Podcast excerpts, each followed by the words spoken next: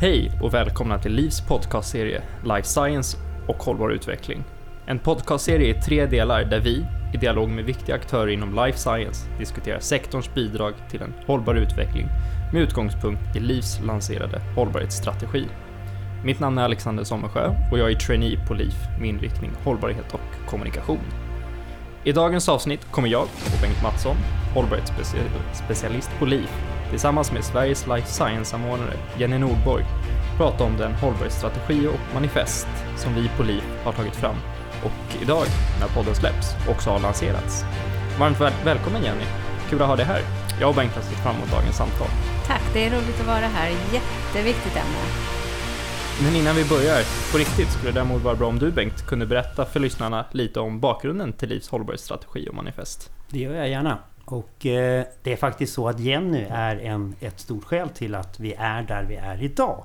Jag vet inte riktigt om du är medveten om det själv Jenny, men eh, bakgrunden är ju att LIF i, i eh, många, många år har jobbat med hållbarhet och ganska ofta har väl hållbarhet då kanske uppfattats som miljöhållbarhet. Eh, och eh, vi har väl lanserat egentligen mängder med olika initiativ inom miljöhållbarhetsområdet. Eh, och det, det, mest kända kanske är redan 2005 då när vi började eh, klassificera läkemedelssubstanser på fast.se. Eh, men hållbarhet är ju naturligtvis mycket bredare. 2015 kom Agenda 2030 och eh, vi har väl egentligen funderat eh, ganska många år då, liksom, vad betyder egentligen hållbarhet om vi ser det här bredare perspektivet med såväl social som miljömässig som finansiell hållbarhet. Vad betyder det för läkemedelsbranschen och för life science-sektorn? Och sen är det faktiskt så eh, Jenny att, att eh, du var här på LIF någonstans i början på 2020 innan pandemin och eh, träffade hela kansliet. Och eh, ställde faktiskt på något vis, så uppfattade åtminstone vi det, liksom, frågan till, till oss. Vad betyder egentligen Agenda 2030 och, och hållbarhet för life science? Och, och, hur kan man integrera Agenda 2030 och de 17 globala hållbarhetsmålen in i life science-arbetet och troligtvis också på något vis kopplat till life science-strategin. Eh, eh, och det där tog ju vi som någon form av uppmaning naturligtvis och, och började då arbeta med den här tanken, en hållbarhetsstrategi som på något vis då beskriver hållbarhet satt ur Agenda 2030 och hållbarhetsperspektivet. Eh, life Science. Och eh, sen var det egentligen Eh, en av våra styrelseledamöter, Olav From, som är VD på Kiesi, som var den som, så han är en liksom champion ur styrelsens perspektiv, som också lanserade den här tanken med ett manifest. Där manifest då egentligen betyder en, ett antal åtaganden som, som vi som bransch då gör och sen blir då strategin som helheten och både bakgrund men också naturligtvis hur ska den här manifestet, det vill säga ett, ett antal åtaganden, hur det på något vis ska implementeras. Så, så för mig är det faktiskt roligt eh, att vi har dig här idag, eh, Jenny. För, för eh, på något vis var det du som ändå tryckte på knappen så att vi på allvar kom igång med liksom den här mer, mer att, att på allvar försöka sätta hållbarhet, Agenda 2030 i perspektiv av life science-strategin. Så, och det har vi jobbat med och det, du Alex har ju kommit in då som i, i din roll som trainee och, och drivit på mycket utav, utav arbetet. Så det, ja, jag tycker det har varit en jätterolig resa och det ska bli spännande att höra diskussionen, dialogen här idag. Jag tänkte först en följdfråga på det Bengt. Hur har ni tänkt med upplägget kring strategin och manifestet? Hur ser de bitarna mm, ut? Eh, själva manifestet är, är, då nio stycken åtaganden som eh, tittar på kan man säga, tre olika pelare eller perspektiv. Eh, det den, den liksom huvudsakliga, det som jag kallar då liksom på något vis hela, hela ryggraden handlar ju naturligtvis om, om eh, god hälsa och, och, eh, tillgång på, på, på läkemedelsbehandlingar och vård. och där finns det en direkt koppling då till det globala hållbarhetsmålet nummer tre, god hälsa och välbefinnande. Eh, och sen tycker jag att, att det, det då stöds utav två perspektiv. Den ena handlar om etik och transparens. Eh, och det andra perspektivet då det handlar ju naturligtvis om miljöperspektivet. Eh, vi kan aldrig uppnå naturligtvis god hälsa och välbefinnande om vi inte säkerställer att det finns god tillgång till, till vård och läkemedelsbehandlingar, rättvis sådan eh, tillgång. Eh, det etiska perspektivet där då eh, vårat eh, läkemedelsbranschens etiska regelverk LER är en fundamenta. Men eh, sen måste naturligtvis vi värna miljön för, för en, en förstörd miljö har naturligtvis negativ inverkan på, på god hälsa och välbefinnande. Så själva manifestet är de här åtagandena och sen upplägget med själva strategin är ju ett, ett, eh, där du har varit enormt viktig Alexander i arbetet med liksom hela bakgrunden till Agenda 2030. Alla olika begrepp. Det finns ju alltid en stor risk naturligtvis att man eh, snarast fastnar i att fundera på vad de olika begreppen betyder. Eh, men där finns också hela, hela arbetet med hur det ska implementeras. Vi lanserar som sagt var nu idag. Vi har en rad olika lanseringsevent som kommer och sen under hösten 2023 nu då så bland annat en färdplan kring eh, fossilfri läkemedelsbransch. Och sen har vi de faktiskt de två senaste åren redan haft en hållbarhetskonferens i slutet på november månad. Och kommer vi fortsätta med och där blir det väl som sagt var på något vis förhoppningsvis då att kunna redovisa goda framsteg kopplat till de här nio åtagandena. Alternativt varför vi då kanske inte har lyckats leverera. Är det, jag vet inte om det är svar på din fråga Alex? Ja men definitivt. Så Jenny, eh, hur ser du som eh, regeringens life science-samordnare. Hur arbetar ni med hållbar utveckling och life science? Ja, först vill jag verkligen tacka för att eh, jag får komma hit idag och prata de här frågorna och att ni har tagit er an Agenda 2030-arbetet med en sån helhet. För jag tror att det är oerhört viktigt och jag tror att det är väldigt lätt för oss alla att skriva under på liksom, Agenda 2030s alla mål, de är, liksom, de är viktiga för världen. Men att sen bryta ner det i praktiken och säga, ja vad betyder det här då för den typen av organisationer som vi leder och verkar i och verkar, vad vi verkar för. Det är en helt annan femma. Och det kommer ju då tillbaka till hur arbetar vi med hållbarhet i life science-strategin. Hela strategin går ut på att liksom skifta fokus mot mer prevention, eh, precision och hållbarhet. Men just på hållbarhetsområdet så tror jag att vi behöver bli väldigt mycket vassare, väldigt mycket mer konkreta. Och det här arbetet hjälper eh, till. Det är ett viktigt steg eh, det ni gör. Sen, regeringen har ju väldigt tydliga mål för Sverige eh, och att vi ska vara en ledande life science-nation hänger helt och hållet ihop att vi ska vara liksom världens första fossilfria välfärdsland. Eh, men hur vi ska ta oss dit, vad som är viktigt att göra nästa år, eh, det vill jag gärna diskutera här och nu. Och det, alltså det som jag ser då utifrån de 30 målsättningar som vi har i Life Science-strategin eh, så finns det ju särskilt några punkter eh, där jag tror att vi kan göra konkreta framsteg. Eh, och just eh, den här eh, veckan, förra veckan, så, eh, så har vi tillsatt två väldigt viktiga utredningar som man kanske inte tänker är hållbarhet, men det är de verkligen. Först och främst en utredning kring hälsodata, hur vi ska få ett bättre nyttiggörande för vård och forskning och innovation. Och det pratar ni ju om också i manifestet och i strategin. Precisionsmedicin är ett hållbarhetsverktyg. Och den andra delen är eh, ett arbete kring hur vi får fler företagssponsrade kliniska prövningar. En utredning som också tillsätter nu. Och det är ju också ett sånt arbete där Sverige på riktigt kan ta täten och inte bara jobba för fler utan också ett helt nytt ramverk kring hållbarhet vad det gäller kliniska prövningar. Det är jättekul att du, du tar upp de där två exemplen Jenny för det, eh, båda de eh, nämner vi ju i, i vårt hållbarhetsmanifest kring hälsodata, precisionsmedicin men också att det finns en, ett, eh, eh en, en ökad mängd kliniska prövningar är ju ett sätt naturligtvis att ge folk eh, möjlighet till, till, snabbare access till, till värdefulla behandlingar.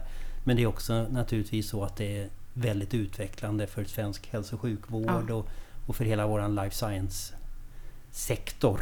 Om, om Sverige är framstående och, och långt framme i, i, inom det här området. Som vi då också, precis som du belyser, liksom ser som en, en, en, en viktig del utav långsiktig hållbarhet. Liksom. Det är mm. jättekul att du nämner de två exemplen. Vi var ju lite stolt. Nej, men, och jag tror alltså att där, vi kommer väl komma mer in på det, men vad kan vi jobba med alltså, rent konkret? Uh, för vi har eh, ju arbetat eh, mycket tillsammans mellan eh, industrin, akademin, hälso och sjukvården, patientföreträdare och profession nu under de senaste två åren för att implementera life science-strategin. Har mycket aktivt arbete i samverkansgruppen för hälsa och life science. Och en av de frågorna som har kommit upp där som kanske är viktiga för Sverige att driva framåt är just en sån konkret sak som eh, koldioxid fria kliniska prövningar. Alltså just det där, om vi tänker helhet kring både jämlikhet för tillgång till kliniska prövningar eh, transporter, vad som, vad som krävs, då kan ju vi vara med och driva på ett helt nytt paradigm för hur vi faktiskt genomför kliniska prövningar. Så på den här frågan liksom, av vad kan staten och industrin göra tillsammans så har vi en väldigt framåtsyftande läkemedelsindustri i Sverige uppenbarligen som kan driva på sådana här frågor. Eh, och vi har alltså, Europas allra mest framstående läkemedelsverk som kan driva på utvecklingen av ramverket. Jag tänkte på just det när du pratar om eh, koldioxidneutrala eh, kliniska prövningar och vi kom in lite på tidigare på just det här helheten och bryta ner hållbarhet. Hur eh, ser du att, hur ser du på den svårigheten när det kommer till just hållbarhet? Att man har de olika aspekterna, man har ofta målkonflikter. Hur, hur tänker du det där att man behöver ta arbetet framåt? Och det här som jag tycker att det ni visar på i manifestet är ett sånt väldigt bra och tydligt exempel. För vi har ju eh, alltså regeringens olika arbeten med samordnare, en life science-samordnare, vi har en Agenda 2030-samordnare, vi har en ambassadör för AMR-arbetet. Jätte, jätteviktigt. Men vi behöver ju också liksom, i samverkan arbeta med alla de olika parterna i samhället som kan ta sitt ansvar och sin del. Eh, och just då på det sättet som ni bryter ner Agenda 2030-målen i det som de betyder för, för er i det här manifestet med Eh, etik, hälsa och eh, miljöfrågor där man kan göra liksom, olika delar. Det tycker jag är ett sätt att bli konkret. För ni bryter inte bara ner det på det sättet. Alltså, vad betyder det här för oss vad det gäller eh, biologisk mångfald eller liksom, färre utsläpp etc. Ni kommer ju också följa upp det. För det är ju ett sånt otroligt viktigt arbete i förändring. Eh, jag gillar ju liksom strategier och peka, ut mål och riktning. Jag gillar också det viktiga verktyget för förändringsledning, det vill säga uppföljning och ett agilt arbetssätt eh, där man på riktigt ser vad som blir förändringen. Och jag tror att vi behöver vässa life science-arbetet också på life science-kontoret och också i strategin med tydligare målsättningar i den här riktningen. Och det vill jag gärna föra en dialog med eh, tillsammans med mm. sektorn eh, och med hjälp av er. Och det tror jag vi väldigt, naturligtvis väldigt, väldigt gärna är med på. Bara, innan vi lämnar det, jag tyckte det var kul att du, att du nämnde just det här med koldioxidfria eh, kliniska prövningar. För det, de här hållbarhetsseminarierna som vi har, har genomfört eh, de senaste två åren. Så första året som då blir, vad blir det nu då? Det blir 2020. Eh, så eh, hade vi ju eh, framförallt eh, tio stycken eh, exempel från, från industrin på olika typer av hållbarhetsinitiativ. Eh, eh, och så var ju du bland annat Jenny med i en, i en diskussion om, om hållbarhet och, och Agenda 2030 och så här. Sen så det som när vi 2021 i slutet på november då körde ett nytt webbinarium så, eh, eh, så var det ju framförallt ett antal eh, externa intressenter som gav sina perspektiv på vad är vi vad bör finnas med i en strategi, en hållbarhetsstrategi från läkemedelsbranschen? Men där lyfte vi faktiskt också fram ett exempel från företagssidan där, där ett av våra medlemsföretag AstraZeneca eh, just gav ett exempel på livscykelanalysperspektiv på kliniska prövningar. och det var rätt roligt när, när det först kom upp som exempel att ett, ett, ett liksom livscykelverktyg användning utav det verktyget ur perspektivet kliniska prövningar. Inte då att framställa en produkt eller något sånt där, där, där man historiskt använt dem ganska mycket utan på mera processen kliniska prövningar. Mm. Väldigt, eh, det var häftigt, så det var kul att du tar upp det exemplet Jenny. För det, just det där hur vi jag tror att det är viktigt att vi, att vi kommer bort från att, att citationstecken bara titta på, på det gamla klassiska produktperspektivet när vi pratar miljöhållbarhet. Utan faktiskt på, på våra processer mycket mer. Definitivt så. Jag menar, hela hälso och sjukvården har ju ett enormt klimatavtryck. Mm. Eh, bara för att ta den ena aspekten av hållbarheten. Det är också en väldigt stor samhällskostnad. som är den andra delen. Och den är inte jämlik i sin helhet. Mm. Och eh, som allt arbete som alla aktörer kan göra för att faktiskt följa upp vad står vi i det här arbetet. Det är ju centralt mm. för, för en hållbar hälsa. Något särskilt du vill lyfta ur strategin och manifestet sådär? Om vi då tänker oss på lite mer möjligheter och utmaningar just för life science-sektorn? Ja, då skulle, jag, då skulle jag verkligen vilja eh, trycka på det här med, eh, med etiken, eh, transparensen och tydligheten som, eh, som ni lyfter fram. Som ju är så oerhört viktig när vi pratar liksom, precisionsmedicin och prevention. Vi går liksom mot precisionshälsa eh, som helhet. Eh, där är ju ett sätt att göra det ännu mer jämlikt en väldigt stor viktig etisk aspekt. Mm. Eh, då behöver vi använda data eh, på nya sätt. Det är, liksom, det är eh, sättet för framgång. Hur kan vi göra det? Hur kan industrin också bli ännu bättre på att dela data, vara öppen i sin, i sin data, i sina lärdomar allt ifrån liksom vilka eh, socioekonomiska faktorer och impacts eh, som olika behandlingar har till den liksom, utsläppssidan, den biologiska mångfalden, alltså, så helheten. Så den, det etikbenet tycker jag är superviktigt. Och där, etik är lite som hållbarhet. Vi säger det här är helt centralt, det är jätteviktigt. Okej, men om vi ska skriva upp de tre punkterna som vi ska göra och agera på, vad är det då vi ska göra? Då är inte det lika enkelt. Men är inte det en utav, utav liksom utmaningarna vi har just det där att båda de här begreppen, hållbarhet respektive etik, eh, kan man säkert... Eh, man skulle säkert kunna prata med en massa filosofer eh, kring, kring begreppen. Du, du kan ju lägga in hur mycket olika betydelser som helst i detta.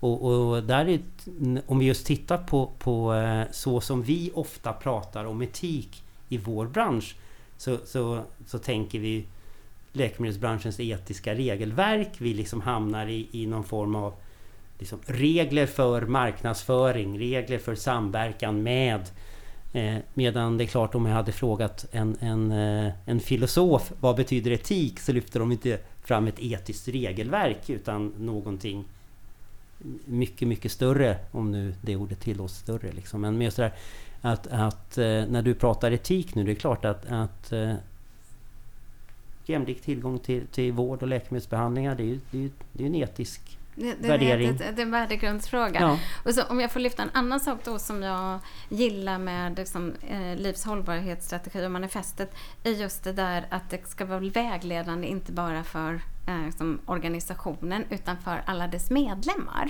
Eh, för då blir det ju konkret på riktigt. Alltså, vad är det eh, medlemmarna ska göra för att kunna fylla upp det här? Då får vi helt plötsligt den här bilden som jag så gärna vill kunna ge att vi faktiskt är världens mest hållbara life science-nation. Mm. För vi ligger där i den absoluta framkanten. Kan vi också sätta både bilder och siffror eh, på det så blir det en del av vår framtida konkurrenskraft.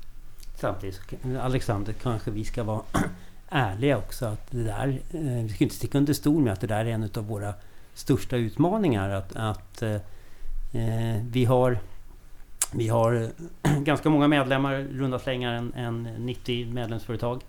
Eh, några stora, rätt välkända eller etablerade eh, läkemedelsföretag som har kommit väldigt, väldigt långt i, i sitt hållbarhetsarbete. Eh, både globalt och, och även här i Sverige. Samt att vi har, har eh, också eh, mindre eh, eh företag som medlemmar som, som kanske liksom inte har haft den möjligheten att bygga kompetens och resurser inom hållbarhetsområdet. Eh, vi har också företag med helt otroligt eh, olika eh, produktion, eh, produktportföljer eh, och, och forskningspipelines Eh, så så eh, hur lyckas... Hur ska vi lyckas att, att få alla att på något vis takta tillsammans? Det tror jag är en, en eh, en, en utmaning som, som eh, jag hoppas... Jag tror inte vi underskattar den. Jag hoppas också att, att, att våra, våra externa intressenter har viss respekt för att, att det är ett, ett, ett, faktiskt ett jättearbete. När vi ska börja redovisa de här framstegen då förhoppningsvis mot, mot de nio åtagandena. Hur vi säkerställer att, att det inte bara är om lite slarvigt säger då, några av de ledande företagen i branschen som har tagit ett, ytterligare ett antal steg framåt utan att vi lyckas förflytta först hela vår läkemedelsbransch men sen att det också hjälper till att förflytta hela life science-sektorn i någon slags hållbarhetsriktning. Jag tror att det är en, en utmaning vi har att jobba med Alex. Jag tror definitivt det är en utmaning men jag ser också möjligheten i det här och mycket av det vi pratar om när vi har skrivit strategin att få det här hjälpa varandra. Att vi har skillnader mellan företagen men att vi har de skillnaderna kommer ju också möjliggöra att vi kan se var, vad är det man missar i den vardag, eller vardagliga verksamheten. Att det, mycket det, här, det vi ser som en hållbarhetsutmaning, ja men det kanske var något annat egentligen vi borde ha fokuserat på. Att hitta de här väsentliga hållbarhetsmöjligheterna. Eller möjligheten att bidra. Mm. Och där kanske vi kan lyfta än en gång eh, vår champion då i, i LIVs styrelse, Olof From. Eh, som, som väldigt tidigt i det här arbetet eh, gav, uttryckte det Leave no one behind. Och det blir lämna, vi ska inte lämna någon efter på något sätt utan att verkligen säkerställa att vi förflyttar hela branschen. Eh, och därför har vi ju skrivit det så i, i eh, att, att utöver de här nio speci liksom specifika åtagandena eh, så gör också då medlemsföretagen förpliktigar sig att, att eh, stödja och samverka. Dels med Livs kansli naturligtvis när vi, när vi på olika sätt behöver samla in data eller information och, och vi kan börja redovisa vad, vad, vad, vad vi står någonstans men också eh, att, att faktiskt hjälpa och stödja varann i den i hela branschens förflyttning. Att, att eh, vi, vi har inte lyckats förrän vi faktiskt får med oss allihopa. Så Nej. Och jag tänker att så där ser det ut Eh, totalt globalt. Eh, och om eh, Sverige är en arena där de stora drakarna som ligger längst fram faktiskt kan skapa förutsättningar för att bana väg för mindre och nya spelare att ta kliv inom hållbarhetsarbetet, då kommer det också attrahera mer samarbeten och mer investeringar. Bara att vi ligger i framkant där. Men inte bara Sverige kanske, utan Norden som helhet. Om vi kan koppla tillbaka till arbetet med kliniska prövningar så har vi liksom mellan de olika nordiska länderna och vi som jobbar som nationella samordnare på life science-kontoren eh, på de nordiska regeringskanslierna. Det här är liksom en av våra nyckelfrågor. Vi skulle verkligen vilja som, göra ett arbete som underlättar för liksom, mer nordiskt samarbete på det här området. Ja, men, kan vi föra in just det hållbarhetsaspekter på mm. kliniska prövningar så är det ett sånt ramverk som vi kan liksom, sätta på kartan både i Europa men också eh, liksom, ännu större globalt. Och där kan jag ju då glädja dig Jenny, det förstår du väl säkert också, att, att våra systerorganisationer i Norden eh, har ju uttalat stort intresse för det här arbetet Super. naturligtvis. Mm. Eh, men det tycker jag också är kul. Även då våra, våra internationella, liksom europeiska eh, eh, Ja, då ska jag inte säga systerorganisation, det blir snarare moderorganisationen då, då. EFP, den Europeiska läkemedelsindustriföreningen, som, som eh, visar stort intresse för det här jobbet och sen så är det hela vägen då upp till IFP med den internationella federationen. Och vi har ju i strategin lyft in några av de de eh, säga, hållbarhetsåtagandena eh, som IFP med på internationell nivå, EFP och AISGP, de europeiska organisationerna, lyft in på europeisk nivå som vi på något vis att säga, naturligtvis ska förhålla oss till. Mm. Vi är medlemmar där. Eh, men vi, vi försöker ju nu på något vis ta ett, ett större grepp, bredare, eh, att, att utöver att prata då ett, om vi nu använder ordet etik som vi, som vi nämnde tidigare då, där etik väldigt ofta i vår bransch kommer att handla om, om någon form av så att säga, affärsetiskt eller liksom uppförandekod väldigt mycket också i, i marknadsföring och, och, och så. Eh, men annars väldigt mycket miljöhållbarhet som då finns inom ramen för eh, de europeiska läkemedelsindustriföreningarnas åtaganden. Det som vi försöker göra och som jag hoppas ska inspirera eh, våra internationella kollegor men, men då kanske ett steg ett också de nordiska eh, systerorganisationerna är just det här att verkligen försöka gifta, gifta samman hållbarhet med, med, med vårt huvudsakliga mm. uppdrag som handlar om att skapa god hälsa och välbefinnande genom bland annat naturligtvis då ta fram nya innovativa läkemedel som, som, som faktiskt förändrar för, för enskild patient och, och bygger värde för samhället. Liksom. Att, att, det är, att det är ett hållbarhets... Eller egentligen, det har varit så naturligt för hela vår bransch och sektor men som vi kanske inte alltid har satt placerat under ett hållbarhetsparaply och det är lite konstigt att vi att det tog ända till, ja egentligen Jenny tills du var hos oss och sa Se till att fixa det där nu då! Hur... Eh, till en fråga till er båda nu. Hur, hur ska vi, liksom, vi pratar om att vi ska, vi behöver komma fram med mättal, vi ska hitta vägarna framåt, vi ska såklart samverka mer. Hur, men hur tar vi det framåt tillsammans? Hur arbetar vi just med en hållbar utveckling? Och... Ja, om jag får åka på det lite Bengt, mm. på det du eh, precis beskriver så eh, alltså, jag har tänkt på två stycken konkreta saker. Dels att eh, det är superbra att vi liksom kan jobba ihop mellan de nordiska länderna. Eh, sen hoppas jag ju också att eh, medicinteknikbranschen till exempel kan haka på arbetet och att ni då är öppna för liksom, hur får vi till ett helhetsmanifest eh, om, det är det, om det är det som ska till. Jag vet att det är jättemånga olika förutsättningar men det här är viktigt för Sverige och inte bara liksom inom medicinteknikbranschen utan att ni är en del av det svenska näringslivet. Ni är ju det. Alltså, eh, det, är ju en självklarhet men ni är också en väldigt betydande del av det svenska näringslivet eh, som helhet.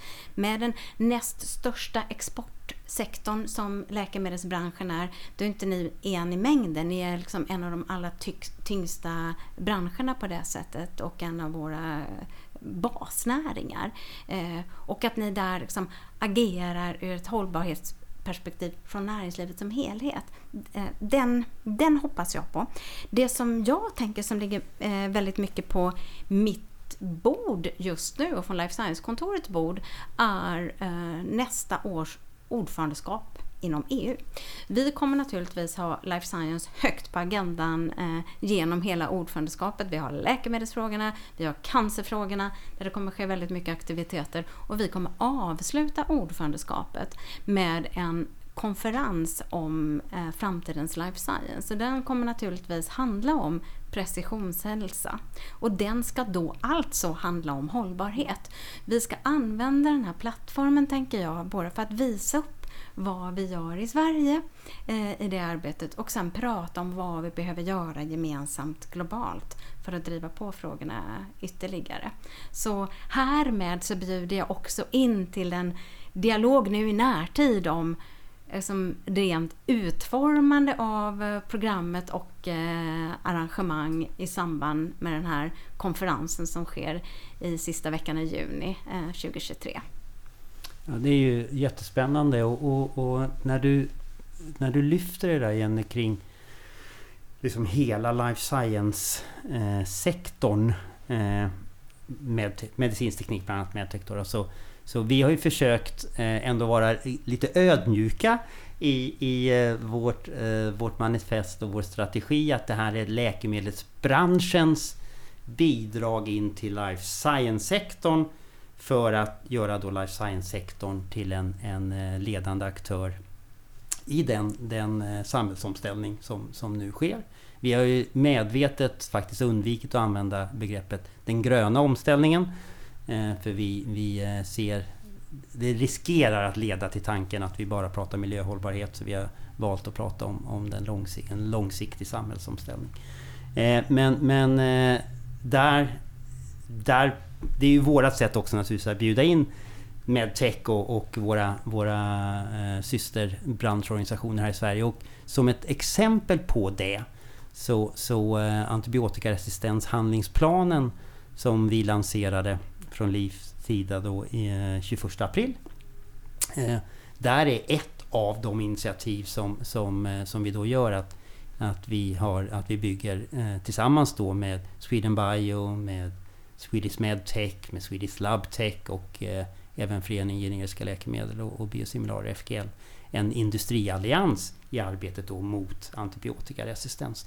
Och det är klart att det vore väl, väl eh, fantastiskt fint om vi även kunde lyckas etablera någonting sådant inom så att säga, hållbarhetsområdet och därigenom verkligen hur hela näringslivets del av life science-sektorn så att säga tar sig an hållbarhetsutmaningen och kan vi samverka med, med dig i din roll Jenny som, som life science-samordnare eh, så, så eh, hoppas vi ju naturligtvis att, att, eh, att det ska kunna göra rejäl skillnad. Och sen vill jag bara lägga till också eh, Alex att att jag tror att det är jätteviktigt det här internationella perspektivet. Du lyfter det ju igen också ur ett nordiskt perspektiv. Men, men jag hoppas verkligen att vi kan vara en, en, en eh, någon slags role model, om det svenska ordet finns. Eh, en, en modell eh, som, som eh, hjälper hela den internationella internationella läkemedelsbranschen. För många av de frågorna som vi pratar om i strategin och manifestet är naturligtvis av, av global karaktär. Absolut. Det är bara att erkänna att det inte kanske ledningsgruppen för, för ett svenskt marknadsaktiebolag som, som bestämmer allting. Utan vi måste, ska vi lyckas faktiskt leverera i enlighet med, med manifestets nio åtaganden så måste vi få med oss hela den, den, eh, globala industrin också på, den här, på det här förändringsarbetet. Så där har ju vi en, ett jätteviktigt arbete framöver Alex. Verkligen. Eh, och just det där att komma in på och visa, visa vägen, vara en role model, att även visa på lönsamheten i det. Att det ska vara attraktivt.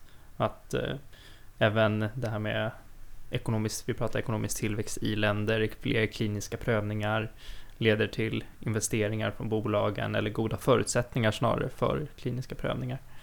Och där vore det väl kul liksom att samarbete i, i all ära, det vill vi ju alltid. Men också om det kan bli lite, lite tävling mellan de olika nordiska länderna men sen så hela Europa liksom att, att visa att det finns en ökad attraktivitet att etablera sig i ett land som ligger längst fram i, i den här samhällsomställningen. Absolut, vi vill ju eh, samverka med alla, jobba gemensamt och samtidigt ligga i den absoluta framkanten.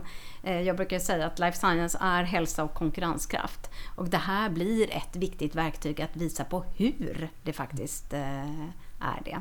Ehm, så ja, självklart både Alex och Bengt ska vi jobba tillsammans med de här frågorna i den här konkretiseringen.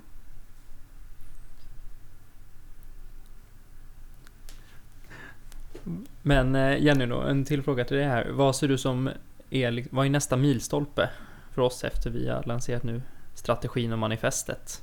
Alltså jag tycker ni så väl har eh, utmålat dem eh, själva. Jag ser jättemycket fram emot att både följa men vara aktiv i det här arbetet. Eh, att som vi har pratat om eh, arbeta eh, tillsammans inom de olika delarna i life science-branschen med näringslivet i stort eh, kring hållbarhetsfrågorna och visa vad som är läkemedelsindustrins eh, ansvar och bidrag i det.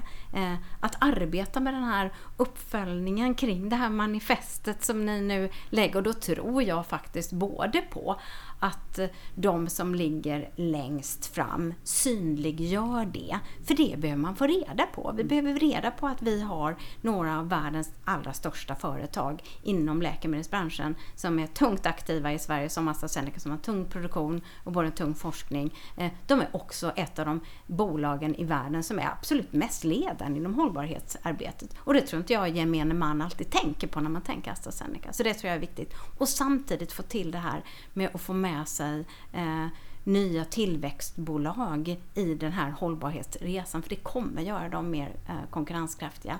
Och jag vill bara bjuda in eh, till dialog med oss på Life Science-kontoret. Det som då regeringen och regeringskansliet behöver göra för att underlätta det här arbetet. Eh, skapa både förutsättningar och ta bort hinder. Eh, det vill vi jättegärna lyfta upp på bordet för det är ju vårt jobb att skotta undan hinder så gott det nu går.